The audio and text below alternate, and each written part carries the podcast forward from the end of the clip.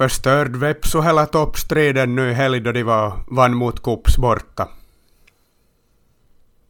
Ja, no, vi pratade ju om att det var en, en jämn tabelltopp förra veckan, men nu är det ju fyra poäng så det kan nog bra hända. No, på tal om tabelltoppar, vem tror du att tar steget upp från Ykkönen av Ekenäs IF eller Gnistan? Ekenäs känns väl som att de har mest vind i seglen för tillfället i alla fall. Och till något helt annat. Vad brukar du välja som ingredienser på dina pizzor? Jag tycker ju om enkla margaritapizzor, det behövs inte något mer än så.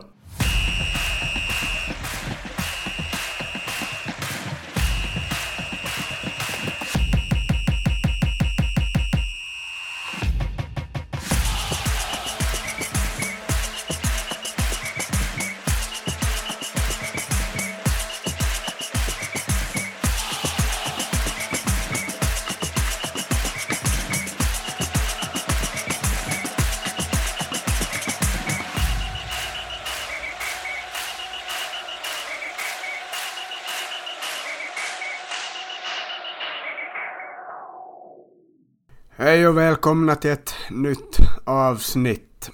Jag är hes som bara var efter en helg med förkylning men också en del, hel, hel del fotboll och, och lite sundomstå eller främst av allt kanske sundomstå som har resulterat i den här hesa rösten så vi ska se hur man kommer igenom det här avsnittet men ja, en hel del fotboll har varit väldigt mycket, både jag och du har sett mycket och ishockey har man sett också, man har knappt gjort annat än en bänkidrott eller lite har man spelat själv också en match men det är mycket som har hänt känns det som och mycket att ta in och en, många intryck hit och dit men det starkaste intrycket jag ändå tar med mig från helgen eller som starkaste funderingarna som man mest ändå har lagt tankekraft på är nog den pizzan.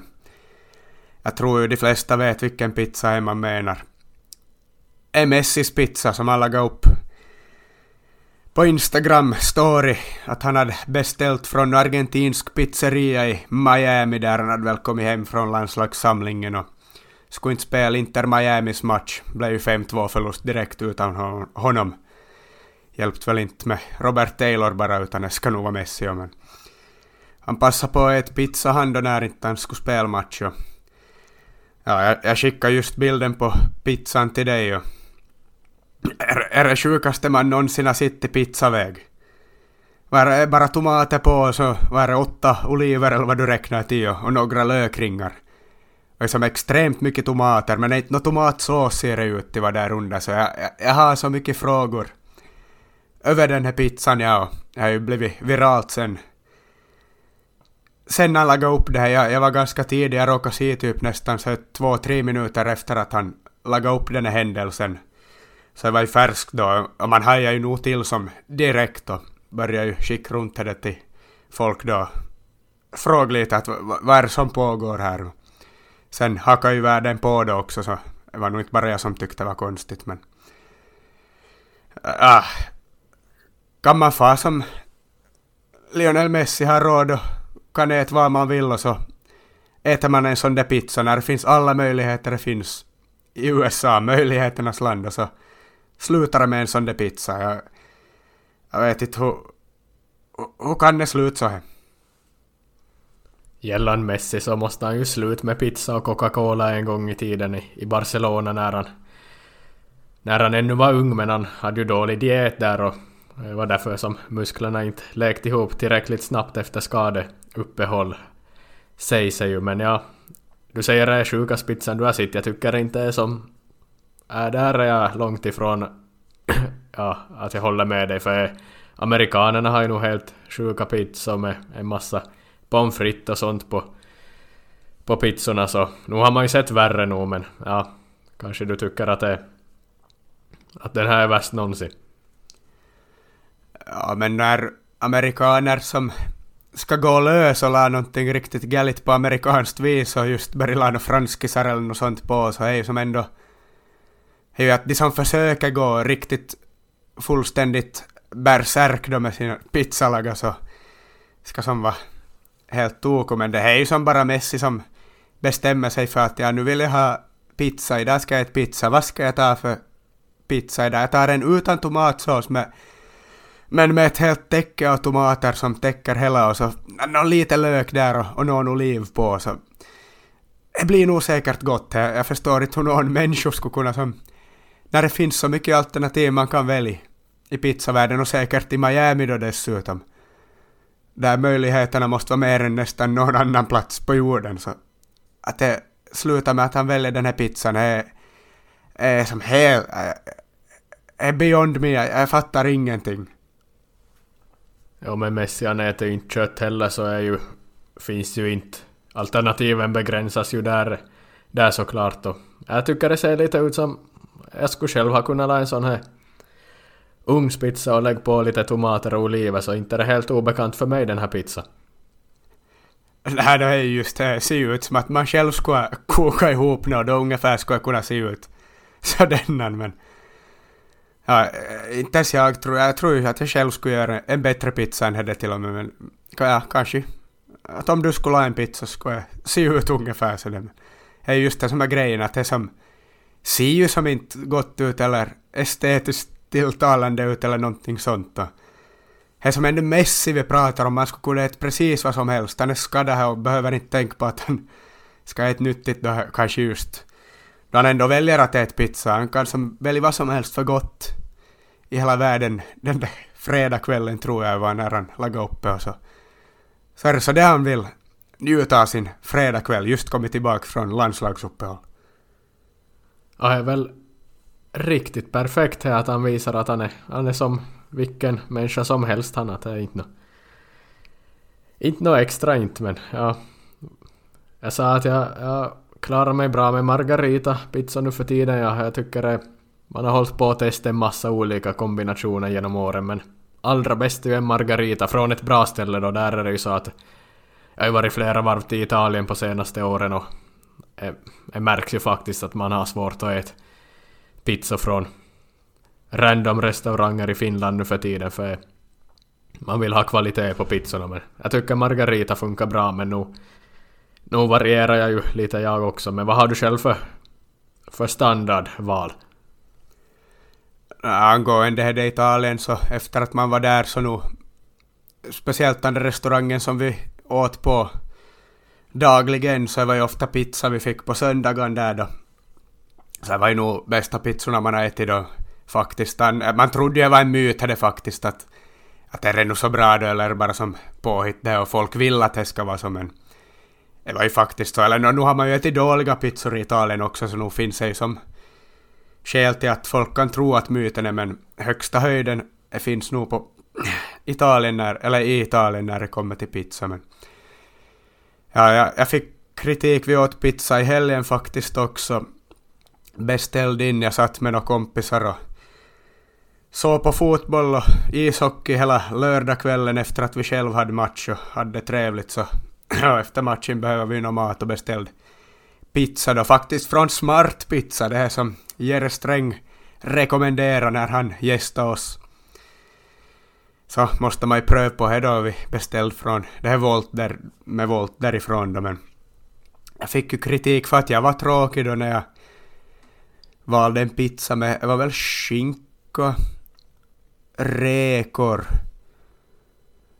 och champinjoner var jag.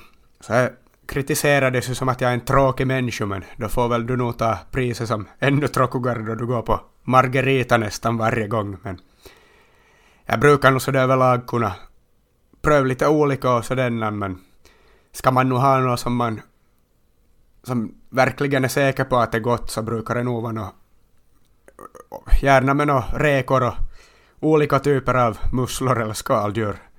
Frutti di mare brukar nog som kunna vara en sån höjdare man går på. Ja, det börjar vattnas i munnen lite, men det finns ju ett trick också om man är inte sån här halvdana sunkhak, då kan man ju ta plocksallad med sig och la lite ingredienser därifrån på pizzorna. Där får man ju oliver gratis istället för att ta det som en extra fyllning till exempel. Men kotipizza i Finland, det var väl Berlusconis favorit någon gång i tiden, men det har man nog svårt att fatta. För kotipizza är nog, ja de har ganska jämn nivå men är nog, det blir aldrig bättre än, än 2 plus därför är nog, är nog alltid är detsamma. Eh, lite så är det väl, ja. Inte så jätteofta man far till kotipizza kanske just av den anledningen då.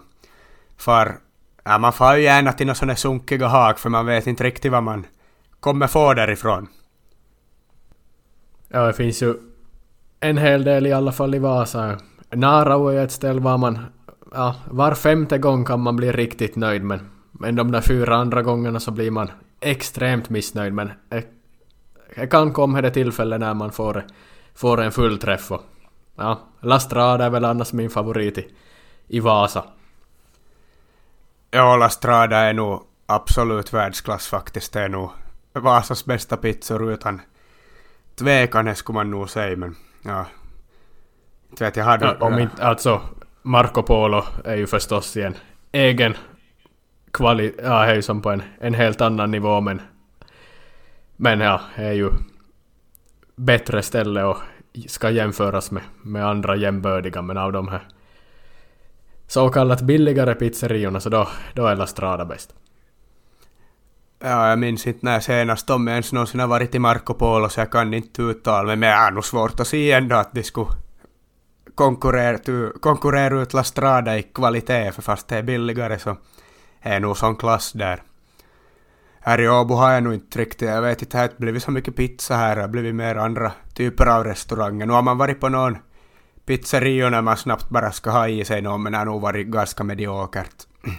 Var nog till någon Milano pizzeria här någon gång, men det var nog som ja, inte ens två plus, det var så ett och ett halvt, det äh, var som väldigt svagt. Men jag har ju e-, annars en analys jag har att det finns ju alltid, i varje finsk stad så finns det ju alltid en pizzeria som heter Milano.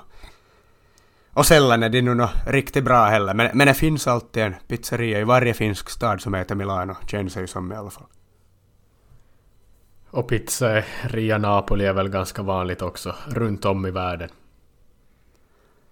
Ja, no, så är det väl, men ja, nu börjar vi vara tio minuter in i avsnittet och vi bara diskuterar pizza här så om inte du har något att tillägg om, eller tillägg i pizzadiskussionen så byter vi väl pizza och går in på annat samtalsämne. Ja, vi gör så. Vi, vi lämnar maffiaplättarna som, som en... Min gamla chef kallar pizzorna. Lite lustigt, men ja. Vi börjar väl med Veikkausliga. VPS ångar på som vanligt. Elva raka segrar nu är ju helt otroligt, men det var ju...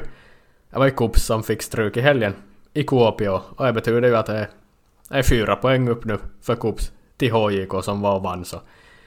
Ja, vem vet avgjordes ligan i helgen?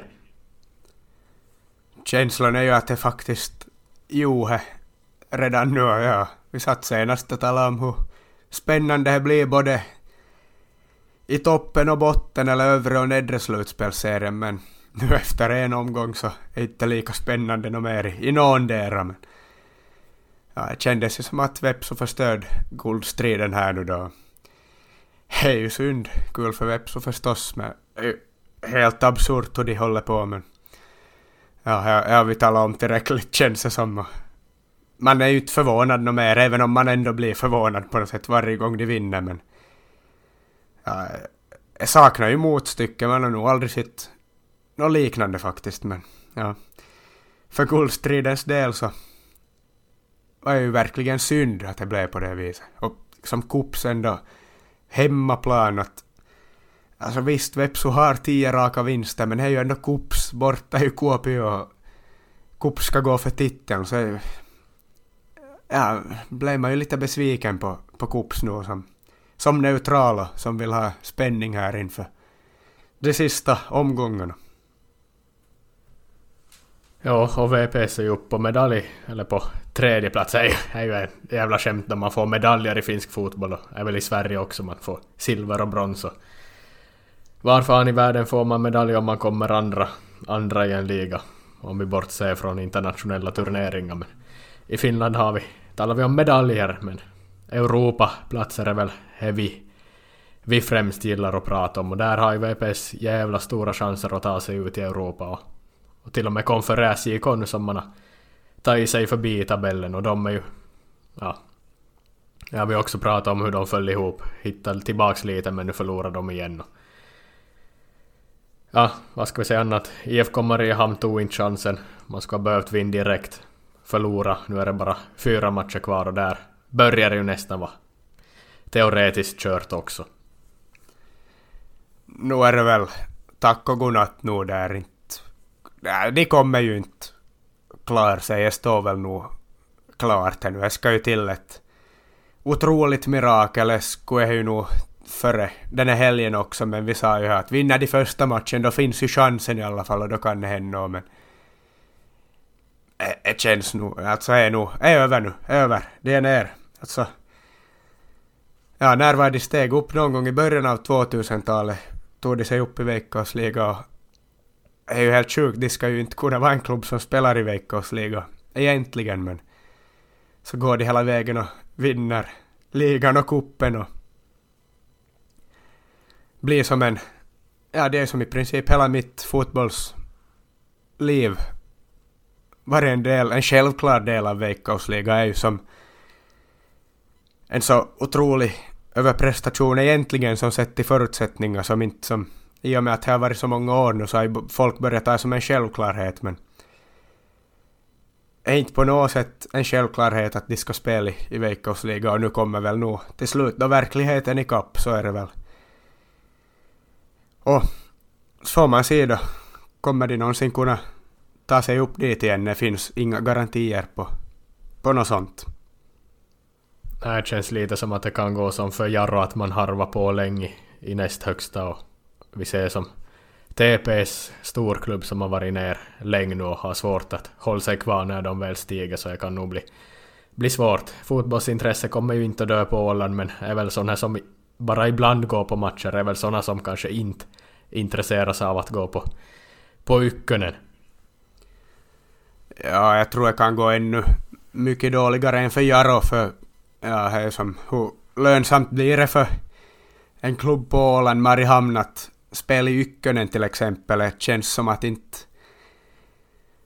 Ja, Kakkonen också samma grej, hur, hur långt kan det sjunka, men det är som bortaresor ändå båtresor var och varannan helg och mindre intäkter från både publik och speciellt kanske TV-delar har ju blivit som det nu blir överallt i Europa och världen så är allt mer TV-pengar i fotbollen. Och så också i Finland och speciellt är väl något nytt TV-kontrakt på gång nu inför nästa säsong som kommer göra skillnaderna mellan veckosliga och, och inte veckosliga kommer bli ännu större så.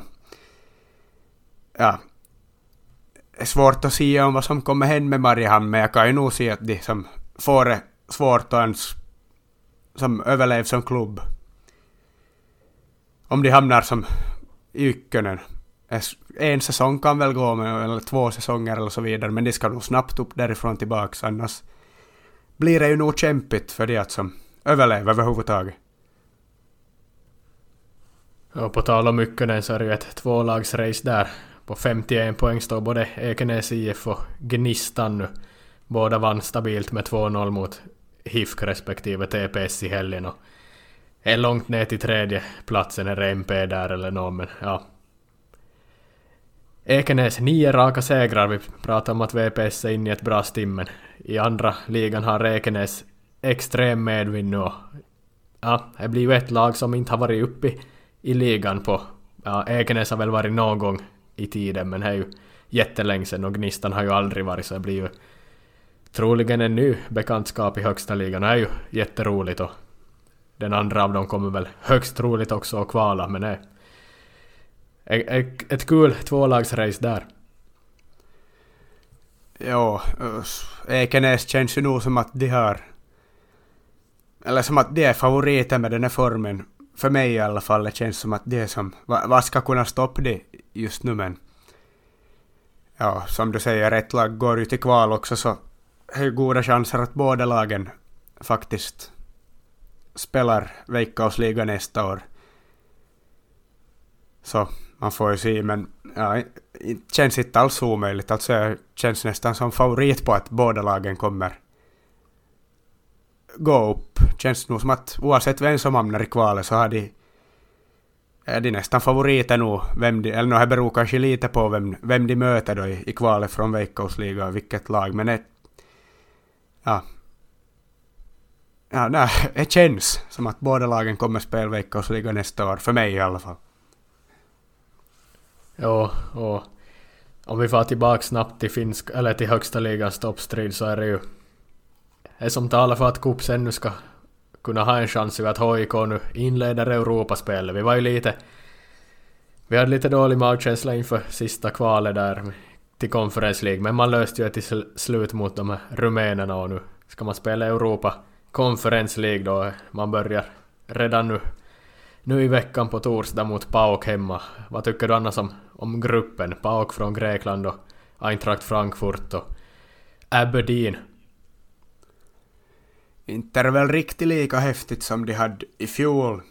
Roma kommer ju inte samma höjd och stora stjärnor som finns i Roma, men Frankfurt är väl det allra häftigaste och inte är ju dåligt det och där lär vi kom ett redigt bortafölje som nog lär imponera på, på så sätt så.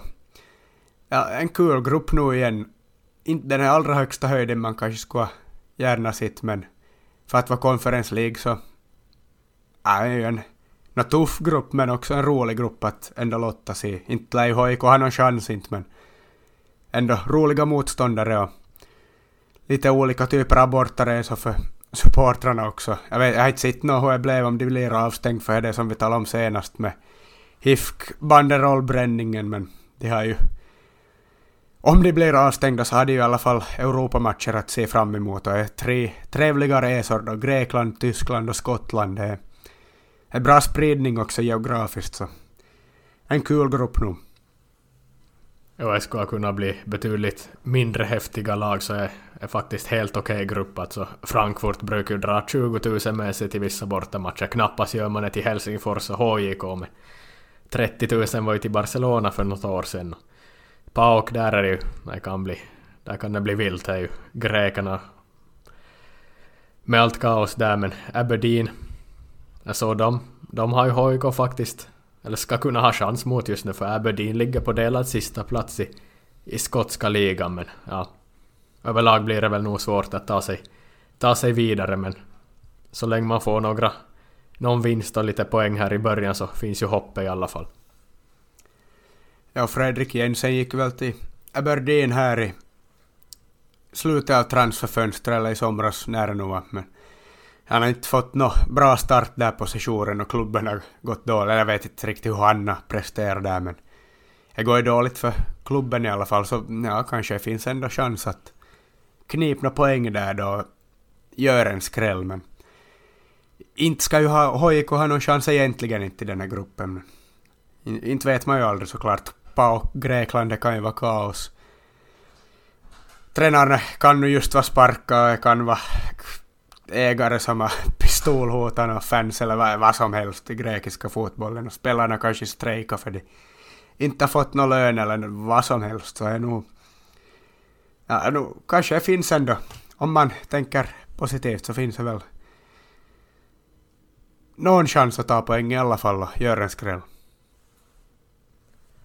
Ja, det var väl en liten överblick över lite finsk fotboll som vi har tagit del av. Men på plats har jag också varit i helgen. Du var inte, men jag var ju i alla fall och kollade på, på division 2-möte mellan Vasa IFK och FC Vajakoski. Det var väl en ganska jämn match. fanns en del hyfsade chanser för båda lagen, men det slutade ju 1-1 så det var väl ganska... Ja, två lag som skulle vilja få tre poäng, men så blev det 1-1 och så det var väl två missnöjda lag till slut men ja, det var väl inte så särskilt mycket som hände under matchen före sista 20, ungefär där runt 70 minuten någon gång då, då började ju hända saker då. Då tändes ju både spelarna och publiken till för ja, Vajakoski-spelarna började med en massa sådana ja, svineri ska man säga. Ja, alltså som fulspel och överdrivningar och sånt och det hjälpte ju inte att domaren som vanligt höll en ganska dålig nivå också. Ja, Vajakoski började med sitt svineri och sen var väl fem verser in i Vajakoski haistakaa vittu så, så gör de ju mål då. Springer fram och hyschar publiken och kommer väl någon från bänken in och springer mot, mot fansen också och ropar någonting. Vem är det nu som hajse eller vad han nu, nu ropar. Han fick i alla fall kort av domaren för ja, sprang upp från bänken och provocerade. ja, det blev lite hetsk, hetsk stämning och, och hets men eh, ja, det hör väl till såklart men Vajakoski fick ju inte med sig tre poäng utan Vasa IFK kvitterade ju genom rutinerade Pitka Kangas som satt in en kvitteringsboll i slutet så det blev ju, blev ju i alla fall 1-1 så de tystades ju ner till slut men ja, det var ja, lite märkligt att Vajakoski ska mitt i allt börja med en massa Alltså det var extremt mycket överdriv, överdrivna sekvenser och de har ju filmat matchen så det finns ju bra, bra bilder där. Det är ju en, ja, en, en filmning när han, en Vaekoski-spelare går fram mot Morinen i Vasa IFK-målet och låtsas få som en skalle eller någonting mot sig men det rör ju inte någonting och det såg man ju från läktaren att det var ren överdrift och Vajakoskis mål var ju offside också men det, det var intressant att det blev det var en match som inte egentligen hade någonting men sen så... Sen så blev det, blev det hett på slutet. Ja, mäktigt att evigt unge Pitkä Kangas fick vara rädd på ängen och tyst nå Vajakoski spelare då i alla fall. Men det är väl lite ont blod från i somras då IFK Blue Hearts var dit och det blev lite stökigt på sidan av plan i alla fall. Jag vet inte hur matchen på plan var då, jag minns inte alls. Men sen var väl Vajakoskis mål här i... Nu i lördags såg jag någon video på att det var väl ganska solklar offside också. Ja, det är ju nackdelen med att när de har så bra videor och vad heter det, mediaproduktion som de har i Vajakoski så är det ju att det syns ju när det är så det tydligt offside-mål också för dem men ja, inte vet jag nu, inte kan man göra något i efterhand åt, åt ett offside-mål förstås, så inte bryr de väl sig, men ja, han ska ha en eloge, mediakillen där i Vajakoski i alla fall, så är det ju nog bara alltså division 2, eller division 2s överlägset bästa produktion på YouTube. Medieproduktion eller vad man ska säga. Jag började fundera att han, han måste nog bli uppköpt av någon storklubb han så, så som han eller sånt jobb som han gör på egen hand alltså verkar vara helt enmansshow är det. Som han bedriver där men ja, så kommer jag på att inte, inte gör det ju någon skillnad om man blir värvad till någon storklubb eller veckosliga mediateam eller någonting sånt eller något ännu större än så för där har ju alla tillgång till den här typen av förutsättningar och där, nå, no, veckosliga är nu inte alltid bra filmat här och så vidare heller, men där finns i alla fall bättre förutsättningar. Men här är ju i division 2, han gör skillnad när man är och filmar matcher på sådär professionellt sätt och klipper och redigerar och fixar och trixar. Så det är lite som Coutinho att när Klopp sa att far du till Barca så kommer du bara vara en i mängden men är du kvar här hos oss så kommer du vara största stjärnan och få staty och bli en legend för all framtid. Så ja, man gör mer skillnad som mediatekniker, trollkarl i, i division 2 än på högre nivå i alla fall, så hoppas han blir kvar.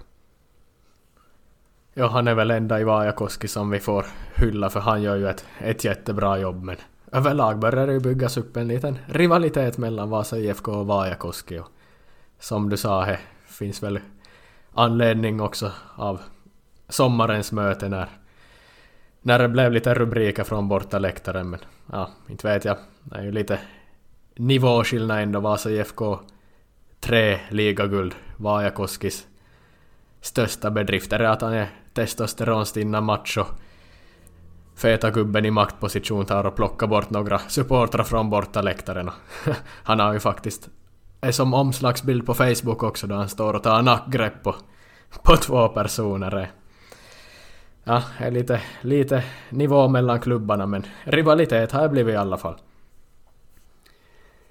Ja, inte är ju FC Vaajakoski, och det är inte så mycket annat än den här mediekillen, medetrollkaren faktiskt. Inte är nog egentligen bara en, skitklubb, ganska betydelselös. Nu är det ju så nog. Och sådana finns det ju gott om i, i division 2. Ja, inte har ju Vasa IFK heller på det sättet förstås varit någon maktfaktor förutom i Vasa då juniorsidan på, men seniorfotbollen har man ju inte varit någonting på de senaste åren förstås. Men ja, historiskt så finns det ju en betydande skillnad. Ja, och det var ju nästan så att det börjar fara nu. Det finns ju ännu matematiska chanser, men kvalspelet, eventuella kvalspelet börjar ju nog rinna ur händerna. Det skulle nog nästan måste komma sju eller nio poäng av de sista tre matcherna för, för IFKs del. För det är nog för många lag som slåss om samma positioner och är väl fem poäng upp till, till kval. Och, och ja, kval innebär ju ingenting heller än att någonting blir... Jag ger hopp för, för att det blir en... Ja, någonting att ha kvar i säsongen men det är ju ingen garanti för att man går upp ändå. Seriesystemet ska göras om och det blir hit och dit en massa kaos med det också men ja, har du något mer om finsk fotboll eller ska vi röra oss ut i världen? Nej, nu känner man väl sig ganska redo att röra sig ut i världen. Angående IFK så var det väl lite samma öde för damerna som spelade väl där innan på lördag. Som åkt på förlust mot PKKU de också. Det var väl en ganska rejäl förlust så. Nu är deras säsong också i stort sett helt över så det var nog inte världens muntraste Vasa IFK helg då kanske inte trots att man ändå blir glad av att Jonas Pitke Kangas fick vara gör ett sent kvitteringsmål. Ja, och hans sång ljöd högt också på Sandviken. Men ja, om vi rör oss ut i, i världen och gör en sån övergång att vi, vi först bara nämner lite finska spelare och sen håller vi oss kvar i Europa. Men vi måste ju säga det här att Pohjanpalo han förlängde ju nu med Venezia. Vi funderar ju vart ska han fara och det mesta talar väl att han skulle vara för bra för Serie B men han stannar ju kvar nu. Till 2027 har han kontrakt och gjorde mål i första matchen efter sitt nya kontrakt. Och är ju, är ju fint att han är kvar i Venezia och, och jättekul och, och bra, bra stad att bo i och kul att spela fotboll där. Men vi var, nog är det lite överraskande att han han stannar kvar. Det betyder väl att han trivs väldigt bra men kanske också att det inte fanns något riktigt lockande erbjudanden i, i andra delar. Ja, erbjudanden fanns ju men inte något som tydligen är bättre än att spela Serie B med Venezia och få bo i Venedig då och vara kapten och älskad av fansen och hela staden känns ju som att älskar han redan. Det är ju ändå häftigt att det har blivit så snabbt på det viset. Det var väl när han skrev på det här nya kontraktet här, såg jag någon video som, det var väl nå att han stod bara helt mitt på Venedigs gator där, de gator som nu finns i Venedig. Och så kommer det nå, ja det är ju trångt med folk och alla vill se, där är han och så är det nå pojkar eller nå skolbarn eller vad det var nå som transportera dit kontraktet då han så tar han emot pappret och skriver på kontraktet där i trängseln och visar det uppe då att nu han har skrivit på nytt och han stannar här så det var nog som symboliskt för hon har blivit redan en av, en av dem och hur staden har tagit till sig honom. Så. Det är ju, är ju mäktigt faktiskt. Ja, verkligen. Och om vi går vidare till lagkaptenen i landslaget, Lukas Radecki, så kollar vi ju på på Bayern München mot Leverkusen i helgen och han var ju en av planens bästa spelare och kapten också i Leverkusen såklart. Och kul att det fortsätter gå bra för han nu i nya Leverkusen och det börjar nästan gå lite för bra för Leverkusen nu med Xabi Alonso som tränare så det skulle vara kul om han skulle hållas där och bygga någonting under flera år men vi vet ju alla vad som händer i sommar att Ancelotti tar över Brasilien och lämnar Real Madrid och då då är det väl nog risk att de kniper Xabi Alonso då och tar honom från Leverkusen eller vad, vad tror du? Äh, jag tänkte exakt samma sak jag också att eh, eller i helgen när, alltså det är ju delad serieledning, nu är väl bara fyra matcher spelade men tre vinster och ett kryss borta mot Bayern. Och bra fotboll spelade jag. Ja. bara raka spåret uppåt sen han tog över förra hösten så det känns ju rimligt och logiskt att han skulle ta över Real Madrid. Kanske lite tidigt men ja, får förra säsongen, får den här säsongen så om han nu gör det så är bra så varför inte? Det känns som att det är som ja, skrivet i stjärnorna nästan. Det känns som att han är en som ska träna Real Madrid. Det är nog nästan bara så. Radecki där, vilken räddning också. Som han gjorde på Keynes friläge, eller då Kane kom från nära håll där, halvt friläge eller vad man nu ska beskriva som, men fick väl ut benet där och gjorde en otrolig räddning. Men överlag också otroligt kul match till se på det här. Alltså inget av lagen brydde sig som om att tänka nå på att täppa till några ytor bakåt och kontrollera spelet eller så utan det böljde ju bara fram och tillbaka så båda lagen bara som öst framåt när de vann boll efter att andra laget hade haft en jättechans och så vända spelet så är det jättechans i, i andra straffområdet då några sekunder senare så Nej, jag förstår ju inte mig på de som tycker att Bundesliga är tråkigt att se på. Nu var det här ett extremexempel och två av seriens bästa lag. Men jag tycker överlag alltid när man ser på Bundesliga så det är ju så otroligt underhållande fotboll. Det är ju så här i varje match. Alltså de, båda lagen alltid bara öser ju framåt med allt vad de har. Tänker som inte nå på att vad som händer när de tappar bollen nästan. Och hårt tempo, alltså bra fysiskt välutvecklade spelare, bra duellspel och snabba. Ja, mycket maxlöpningar, det går snabbt, bra med bollen de också, så är som ja, vad mer kan man önska som underhållningsmässigt och så är det ju dessutom jättebra på läktarna dessutom, så det här att det skulle vara tråkigt med Bundesliga har jag aldrig faktiskt förstått mig på. Det är nog så fel som det bara kan bli att man kommer med det påståendet. Det är väl nog egentligen bara de som inte ser på det som säger det också. Sen när man faktiskt ser på det så märker man att det är ju det är ju väl roligast serien att se på som rent underhållningsmässigt, bara fotbollsmässigt i i hela världen. Så som spelet böljar fram och tillbaka och så mycket chanser det blir per match. Så. Att Bundesliga skulle vara tråkigt är nog bara en myt som sägs av de som inte vill se på ö. Ja, jag vet inte om jag har hört någon som har sagt Bundesliga är tråkigt, men det är väl som, lite som franska ligan kan jag tänka mig att folk inte har... Ja, man kollar väl mer på, på andra ligor och så utgår man från att det att det inte är lika häftigt. Men det är ju som Premier League på steroider, Bundesliga är ju som... Jag kan inte säga hur jag var förr, men senaste 20 åren har jag ju följt med något sånär och är ju... Varenda helg reagerar man ju på att det är något helt sjukt resultat. Det är ofta matcher som har mer, mer än fem mål i sig och är ju helt... Helt galet stundtals. Lite för galet ibland och lite för underhållande kanske men det är väl det folk vill ha. Ja men ja, England då, vad ska vi säga, Liverpool vann, United förlorade, Chelsea kryssa helt helt okej okay i det anseendet men ja, inte vet jag, har vi något att säga därifrån. Att United förlorar mot Brighton är väl ingen, inget man ska flina åt för de kommer ju slå många topplag. Jag är ju livrädd då. Som Liverpool-supporter och möt Brighton, det fick vi ju se i fjol. Vi vi var ju på plats på De Serbis första match när hans Brighton kom till Anfield och vi fick ju vara nöjda att det blev oavgjort då med tanke på hur bra Brighton var.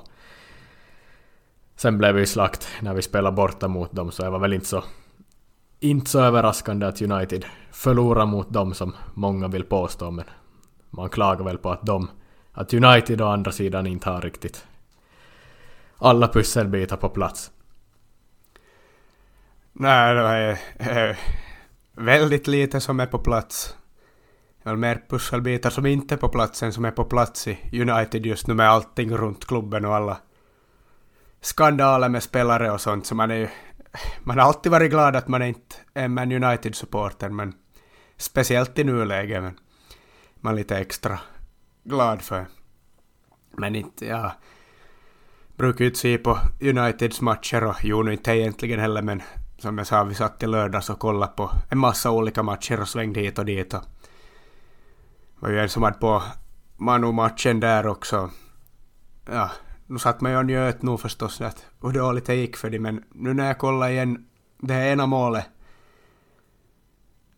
har ju blivit lite så här spridit sig åtminstone på sådana olika taktikkonton och sånt vad man följer som hyllar Brighton så hur de spelar sig upp hela vägen från mål och tror det var 29 passningar räknade jag till tills de slog in bollen i mål. Jag minns inte vilket mål det var över Pascal Gros. Hade då han fintade bort någon i boxen där men de håller ju bollen i typ två, tre minuter ända från egen målspark och sågar sig fram till Uniteds straffområde och där fintar Pascal Gros bort någon och slår in bollen. Alltså otroligt tamt försvarsspel i boxen.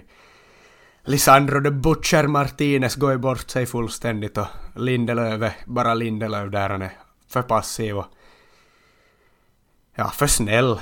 Men är inte det som är grundproblemet alltså är ju som när jag såg det här målet igen hur lama United-spelarna ser ut. De bara låter ju Brighton spela sig igenom där och spela de här 29 passningarna tills de är i hörnet av eget straffområde. Det är som något halvdant försök till press. Bruno Fernandes kanske går själv då, inte ska man ju aldrig gå själv i press då.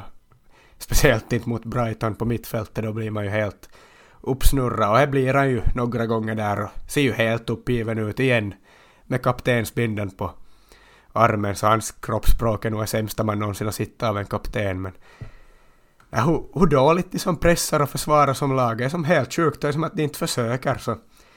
Ja, många har ju varit imponerade av det här Brightons målet just och hur de spelar, men egentligen alltså är inte så svårt heller när man är så där passiva och ser så där håglösa ut. Det är som att det är ingen, ingen vilja av att gå och inte tillbaka den där bollen så Alltså, många lag skulle ha kunnat göra det målet på bra. Man ska inte ta något bort från det, men som ser hur lätt som helst ut det, det kom igenom hela Uniteds lagbygge. Inte någon som försöker ta bollen av det, så inte... Ja, det är mer en poängtering över hur dåligt Manu och hur passivt de försvarar sig det än över hur, hur briljant Brightons mål var, men såklart mäktigt att Brighton går och slaktar det och läxar upp det på i deras egen bakgård eller vad man ska säga. Jag såg med det här också att James Milner blev ju nu första spelare som har vunnit borta på Old Trafford med fyra olika lag. Så det är ju en, en mäktig statistik här också. Ja, och Everton förlorar också och hålls ner i botten och där är det nya ägare på gång. Och ja, det är väl inte de bästa ägarna heller sådär. Men de är ju desperata att få in något nytt så där lär det bli kalabalik ännu framöver också. Ja, det har man ju inte så jättemycket emot. Heller inte. Liverpools säsongsinledning kan vi ju inte klaga på. Första halvlek mot Wolves var ju bedrövlig.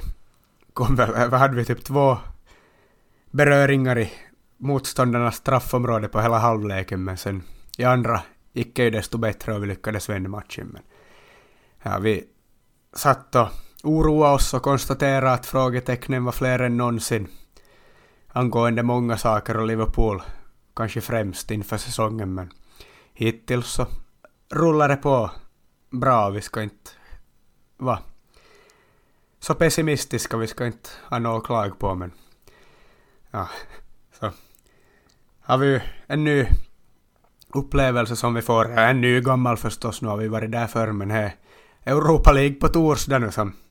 Ja, svårt att veta hur man ska förhålla sig till det. Är väl Lask Linz borta i Österrike kanske, eller vad, är det hemma eller borta? Jag har inte ens hunnit kolla, men... Ja. Det känns smått absurt ännu att vi ska spela Europa League. Det är väl åtta år sedan senast så är, är faktiskt länge sedan men en gång i tiden var en en verklighet då vi var riktigt nere på botten. Vissa säsonger missade vi ju till och med Europa League så det var ju nog no, om man skulle då ha visst att det nu kommer vi vara åtta säsonger i rad i Champions League så ja, man skulle aldrig ha kunnat tro när vi var som som lägst ner 2015. Nej, man trodde som det var slut för all framtid på våra framgångar. Det kändes ju som att vi kommer vara den här typen av lag för all framtid som är där en sjunde i tabellen eller någonting sånt och är mediokra och tror att vi är bättre än vad vi egentligen är. Men lyckligtvis kom ju Jürgen Klopp till räddning sen dess. Ja, och en annan tränare som har varit länge på posten är väl 12 år är ju Diego Simeone om vi rör oss snabbt till Spanien och han han sa efter Atletico Madrids förlust mot Valencia nu i helgen att man förlorar 3-0 på Mestalla. Han sa att det är den svagaste matchen under min tid som, som tränare här och han har ju varit sen, även sen 2011 han har varit så han har ju varit längst av alla känns det som. Och är ju inte allt för ofta han släpper, släpper in så många mål i en match inte. Nej, man höjde nog på ögonbrynen när man såg det här resultatet. Ja, är väl några gånger mot något tyskt motstånd och så minns jag ju att Liverpool har vunnit där 3-2 en gång också i Champions League men sen har man ju åkt på Ja just i Champions League är det väl man har åkt på mest förluster och i något derby mot Real men det är nog sällan man släpper in så många mål och han han var i, ja, jag kollade lite på olika spanska matcher också i helgen, både Real Madrid och Barcelona, men nej. Ja. Barcelona är lite, är nog konstigt att se på på Barca där de inte spelar på Camp Nou när man spelar på, det är väl Olympiastadion. Så det, som, det kommer inte så mycket folk dit heller, det är väl bara, ja, jag vet inte men jag har inte varit fullsatt i alla fall så. Men det är lite märkligt när de renoverar sin vanliga hemmaplan. Ja, konstiga situationer och säsonger ofta för lag som hamnar och spelar på en annan arena än deras riktiga när de bygger om eller renoverar eller så är ju exempel nu, eller finns ju många exempel med Tottenham på Wembley och så vidare. Så blir, eh, det känns alltid konstigt och det blir ofta också konstigt för lagen själva.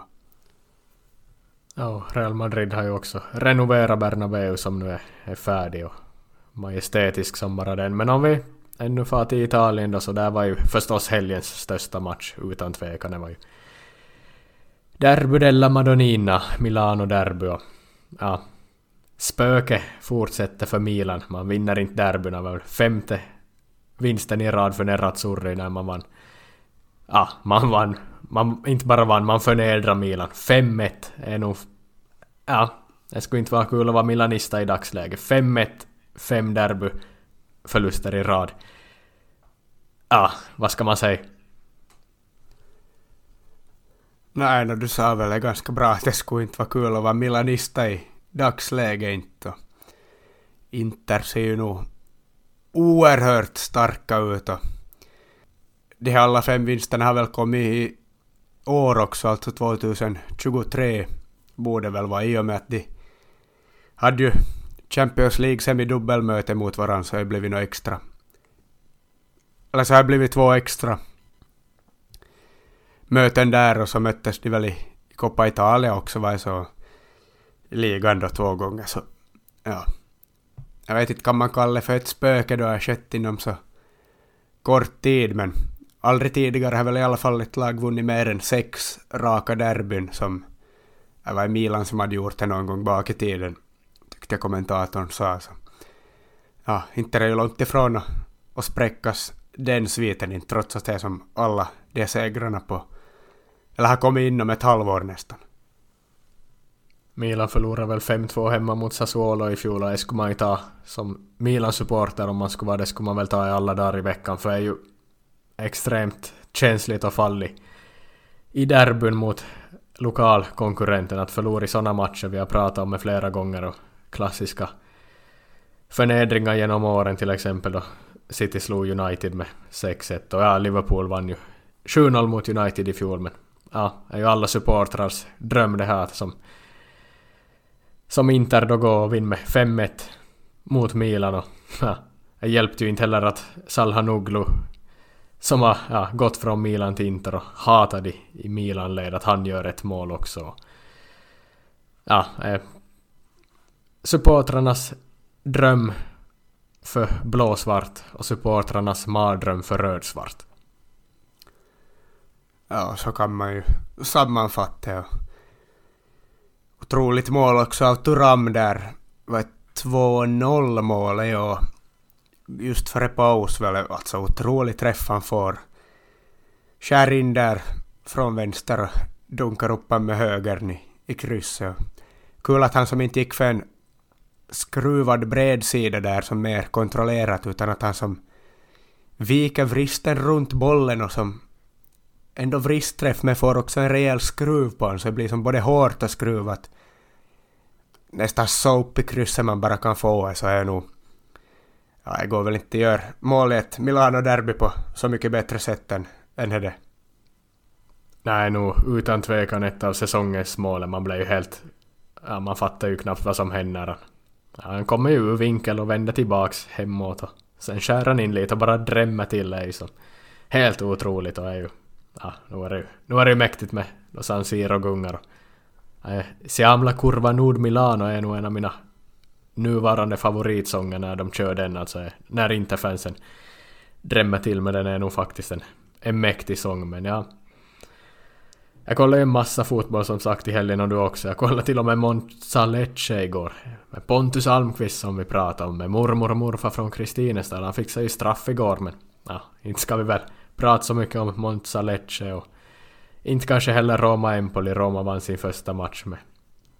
För säsongen med 7-0 men Genoa Napoli däremot, det var faktiskt en riktigt intressant match där. Genoa var på väg att vinna på Luigi Ferraris på hemmaplan då, men Napoli gjorde två sena mål och det var faktiskt en, också en riktigt, riktigt bra match med spektakulära mål och ja, bra fotboll.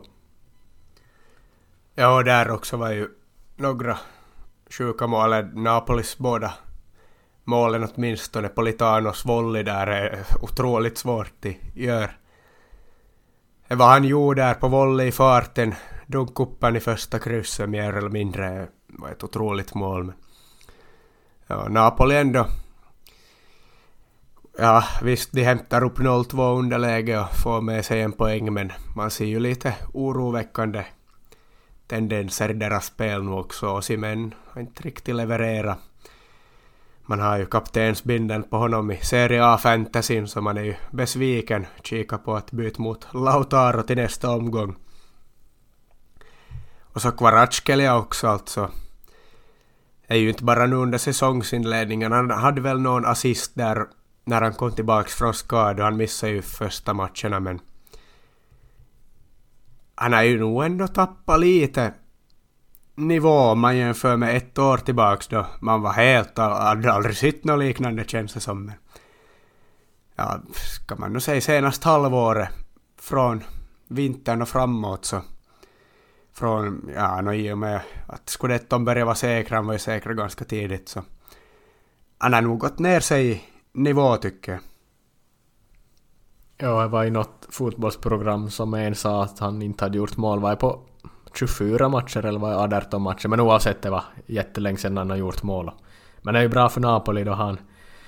Eller för De Laurentiis är det ju inte bra för han vill ju cash in och sälja, men bra för Napoli om man ser för från supportrarnas synvinkel att man får behålla han men man får väl hoppas att han hittar tillbaks till, till formen. Ska väl säga sant att han var skadad här i inledningen av säsongen också men... Ja, han hade väl några skador i våras också men ja, kanske att det är faktiskt det bästa som kan hända för Napoli att Kvaratskhelia är, är dålig här nu kanske första halvan av säsongen eller någonting sånt så lugnar ner sig lite på det transferfronten och ja, De Laurentis vet att skulle han ha sålt han i sommar skulle han ha fått 100 plus miljoner för honom, men ja, med en dåligare säsong så kanske jag går ner till 70-80 miljoner och då vill inte han sälja och så blir han kvar då så ja, kanske att han är bra då men aldrig inte riktigt kommer upp i den där samma hypen runt honom så får han aldrig de där 100 plus miljonerna för honom så blir han kvar då länge så kanske att det skulle vara det bästa för Napoli faktiskt. Ja, annat som vi kan notera är ju att Balotelli har bråkat sig bort nu igen från Sion, det var väl ingen överraskning. Och ska tillbaks till Turkiet i Demirspor nu tydligen. Och andra märkliga övergångar kan vi ju ännu nämna ju Marco Verratti.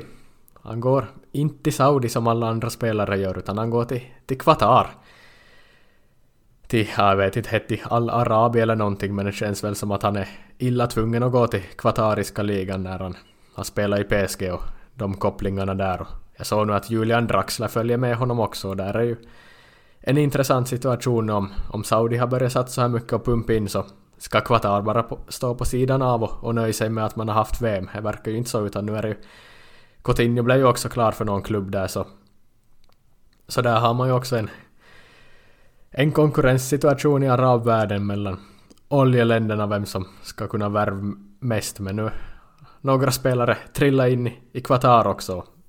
Sjukast av allt måste man ju ändå säga. Marco Verratti, han kysser klubbmärke på presentationen när han står med tröjan. All arabisk klubbmärke. är väl... Ja, ja, vad ska man säga? Nej, no, han fick väl en ganska bra bonus för det kan man tänka sig, men vi ska ju inte heller glömma bort Gabbiadini som också gick till katarska ligan här i somras som vi funderar på. Ja, kanske att det är som äntligen bättre för Verratti att han och de andra, Coutinho och Gabbiadini och, och vem mer, Draxler, att de far till Qatar för när nu allt fokus är på Saudi så visst, de tjänar ju jättemycket pengar där men de får ju jättemycket skit alla som går till Saudi och alla hatar på Saudi. Med all rätt förstås men ja, Qatar är väl ungefär lika bra betalt är det också men hamnar lite i skuggan här nu Qatarska ligan bakom Saudi så inte får man kanske lika mycket kritik där. Ingen orkar som orkar riktigt med Qatar nu mer efter VM så att där får man kanske vara i lugn och ro i alla fall så. Som spelare kanske, kanske är dit man skulle borde gå, inte Saudi om man ska till något av de här länderna då om man vill vara i fred åtminstone men ändå tjäna bra med pengar. Men, ja, inte vet jag, inte... Qatar hade ju VM men sen dess har väl inte nästan någon tänkt på det men det verkar ju nog vara ganska blodigt hat mellan Qatar och Saudi. Har man förstått tidigare också med... Saudi har ju också ansökt om VM och så vidare så det är ju nog som båda är in på samma bana här och båda vill med fotboll och idrott tvätta sina ansikten utåt för omvärlden så inte ska man ju förvänta sig att Qatar ger upp kampen heller bara för att Saudi nu har... Eller Saudi men nu, nu har... Det finns nog resurser och krafter i Qatar också som kommer hålla det relevant inom fotbollen. Det kan man nog tyvärr vara ganska säker på. Men det är nog fan synd att Verratti att han aldrig... Att inte han kommer tillbaks till Italien och spelar i någon Serie A-klubb är ju sjukt. Han har ju aldrig spelat i Serie A. Det är väl så för han gick ju från Serie B PSG. Eller var det en säsong upp med Pescara då han var där? Det kan hända han aldrig har spelat i Serie A att han gick med. Det var ett otroligt Pescara i Serie B. De hade väl Insigne och Immobile och Verratti. Men han väl varit en tio år i PSG och sen... Ja, kommer inte han tillbaks. Man hade ju tänkt att Verratti han kommer nog... Han kommer spela i Juve om några år eller något Milano-lag men ja, checkar ut som 31-åring han nu. Det är nog faktiskt lite konstigt. Ja, nej, det borde vara så att han inte spelat i Serie A. Han var nog i, i Serie B där han slog igenom och så sålde de väl han kanske innan de steg då till nästa säsong när de hade de här andra också. Seman var väl deras tränare så det var häftigt. Pescara är det ja men... Ja, nu har man ju bara gått och väntat på att han ska tillbaks till Serie A och tyckt som att han slösar ju bort karriären och åren i PSG ändå att far dit och vinna några garanterade ligatitlar och inte någon, ja, inte något mer än så. Kändes det som att han kan ju lika bra vara i Juventus då, varför inte han där?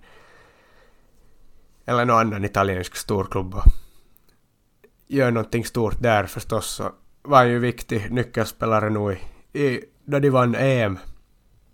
Så det blev ju som kröningen på hans karriär då, men det känns ju som att det inte blev ju riktigt så mycket som jag skulle ha fått bli med honom inte. 31 år, nå visst han har nog inte någonsin gjort sig känd som någon som sköter kroppen och är världens mest professionella lirare inte han. Finns väl nog gott om bilder på han där röker och tycker om att vara utsent på nätterna på eller i Paris nattliv så kanske var det som fick honom att lämna dit att han tyckte om Paris nattliv så mycket men ja ändå märkligt att han är ju bara 31 år ännu som ja tar det slut här redan då.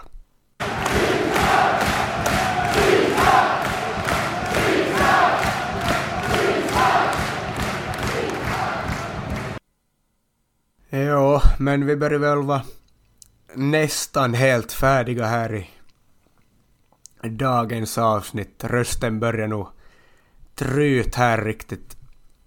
Så man är in på de sista reservnivåerna får trycka i mig en Fisherman, Fisherman's Friend tablett, halspastill här när man är färdig med det här avsnittet. produceras ju i Fleetwood, grannstan till Blackpool och det är väl fiender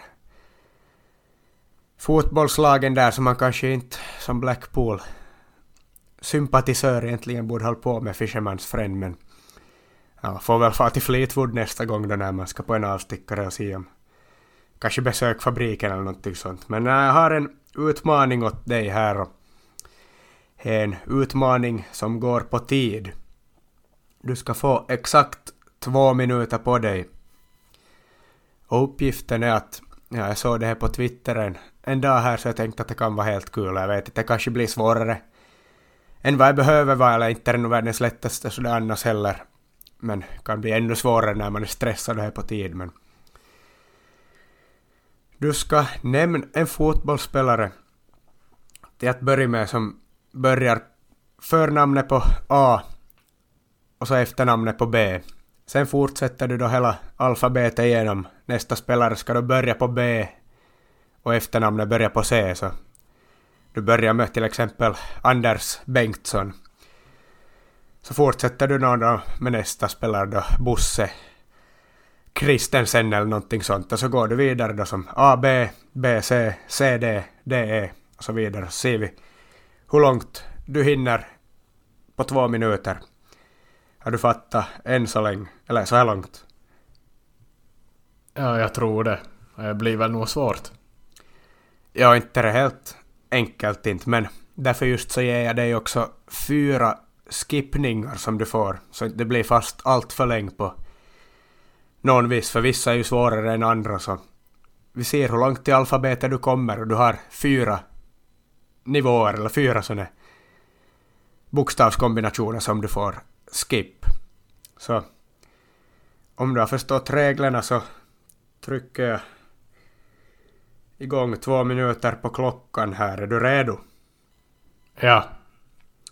Okej, tre, två, ett, kör! Abel Balbo, argentinsk Roma-anfallare förr i tiden. Och BC Bruno Conti, Roma-kapten, italienare. CD Carlos Dunga, brasiliansk kapten förr i tiden. CD DE DE uh, eh, jag skippar DE e och så går jag till EF. Uh, eh, Erik, Erik.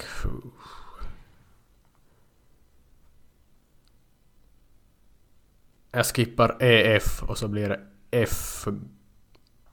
EFG. Det blir FG då. Fernando Gago. Och så GH. George Hadji. HI. Uh, uh.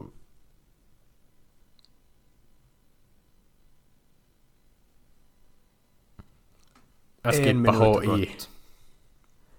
Jag skippar HI och så IJ.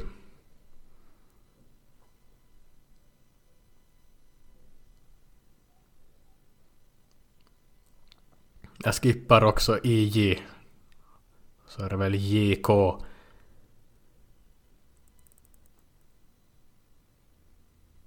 Jan Kromkamp.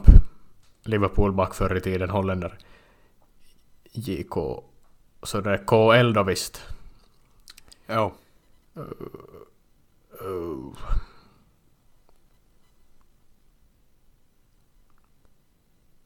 Kevin Larsson, någon av dina gamla lagkamrater kanske. KL, L...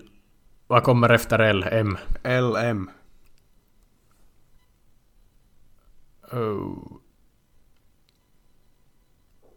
Luis Menotti har väl spelat för honom i förbundskapten? Ja, där ja. är tiden ute. Man skulle kunna, jag vet inte om du har hört om en sån spelare som Lionel Messi också som skulle kanske ha gått på LM, helt hyfsad lirare men ja, du klarar väl ändå LM och vi godkänner Luis Menotti säkert, han spelar någon gång i tiden ja. Kevin Larsson ja, där, fram där, Kevin Lasagne skulle du säkert kunna ta också.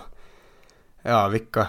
Ja, jag tycker du klarar dig hyfsat alltså. Jag skulle inte själv ha kommit lika långt på två minuter med tidspress. Jag har ju suttit och funderat, eller gått och funderat här nu. Med all tid i världen på mig på så hur långt man skulle komma. Men på två minuter så gjorde jag väldigt bra där. Du hade ju förstås några skippningar men du använde väl. Ja, jag trodde ju, eller jag fick ju en bra, en bra start så jag kom igång med sen så var ju att fundera vilka ska jag skippa så jag jag skippade ju ganska många och jag skippar väl, jag använde väl alla skippningar men jag, jag tänkte väl det är väl bäst att skippa än att man håller på och fortsätter men Ja, LM Luis Cesare Menotti heter han så Argentinas förbundskapten som inte tog ut Maradona till VM 78 är väl i alla fall Menotti i efternamn men om han har spelat förr då för han blev förbundskapten så så då är det väl rätt. Men är du annars menotista eller bilardista? är väl Bilardo som hade 86 gäng och Menotti som hade 78 gäng. Det är lite delade åsikter i Argentina vilken spelstil man, man föredrar. Ja, just det. Jag minns att det var stor skillnad på de här två, men jag minns ju inte vem som var... Ena var väl helt släpplös på offensiva kreativiteten och det andra var väl mer systematiskt och pragmatiskt defensivt så ja, det skulle man ju kunna lista ut då förstås. Kanske man skulle borde kunna lista ut nu om man jämför 78 och 86 gängen. Det känns ju som att Bilardistas borde vara de här som släpper lös på fantasin och galenskapen. Men Maradona, han tycker väl inte om någon av de herrarna han nu sa i efterhand fast. Han vann VM med Bilardo så blev väl nog något bråk med han också där i något skede. Ja, väl, jag tror det är tvärtom att det är Bilardo som... Att det är som tvärtom mot vad du säger men, men att man hade ju Maradona då som... Som gjorde allting som krävdes men att det är Menotti som... Som var mer... Mer offensiv i, i grunden men ja... Nej. Det är om det. Ja, just det, så var jag ju. Så, no, skulle jag vara tränare så tror jag ju att jag skulle vara sån som är mer pragmatisk och defensiv i grunden men jag återstår ju siihen se sen hur man är när man är som tränare men ja, jag är väl bilardista jag då tydligen så om man går enligt den logiken men mest av allt är jag väl nog maradonista. Jepp, och ni kan ju fortsätta själv på var LM och sen blir det väl MN och så vidare så kan man fundera på den här utmaningen hur långt man kommer men ja. Lätt var inte men några namn fick jag väl i alla fall. Ja, vilka var det du skippade nu då om man skulle komma på IJ skippade du väl? Det känns ju som en ganska svår, man, kanske någon, någon finne någonstans skulle kunna gå att hitta där. Vilka andra skippar du? Minns du? Jag hängde inte riktigt med där. Det var väl två i rad där. Det var väl också HI tror jag jag skippade också. Där tänker man och Hernan i, i, i någonting kanske. Ja, och jag har ju nog suttit och kommit på spelare på alla de här, men... Ja, just det här IJ tror jag var ganska svår att komma på någon nu faktiskt. Och det här men ja lyssnarna får väl själva försöka fundera och så ska man själva försöka komma ihåg vad man har funderat ut men ja, man kan ju fortsätta på det här då efter hur du kommer. Eller ta andra exempel. Jag hade till exempel trott att du skulle börja med AB. Alison Becker. BC tänkte att du skulle ta Brian Kristant eftersom att han är så närtid här och gjorde mål igår ganska snyggt väl. CD Craig Dawson Liverpool hade mot Wolves här. Han är med ännu men du hittar egna vägar fram. Ja, jag får ju långt tillbaks i tiden. Jag tänkte nog inte på så många. Jag vet inte. Jag får, jag får tillbaks i tiden och inte något mycket närtid. Nej, no, alla har vi våra sätt, men ofta tenderar man ju, eller du åtminstone, och no, jag också, att dras ganska långt bakåt i tiden när man ska börja fundera. Men ja, inte har vi väl något no mer i, i dagens avsnitt mer än så inte var en utmaning här då. Det har blivit ett ganska långt avsnitt också så vi får väl vara nöjda så. Tack för att ni har lyssnat på återhörande.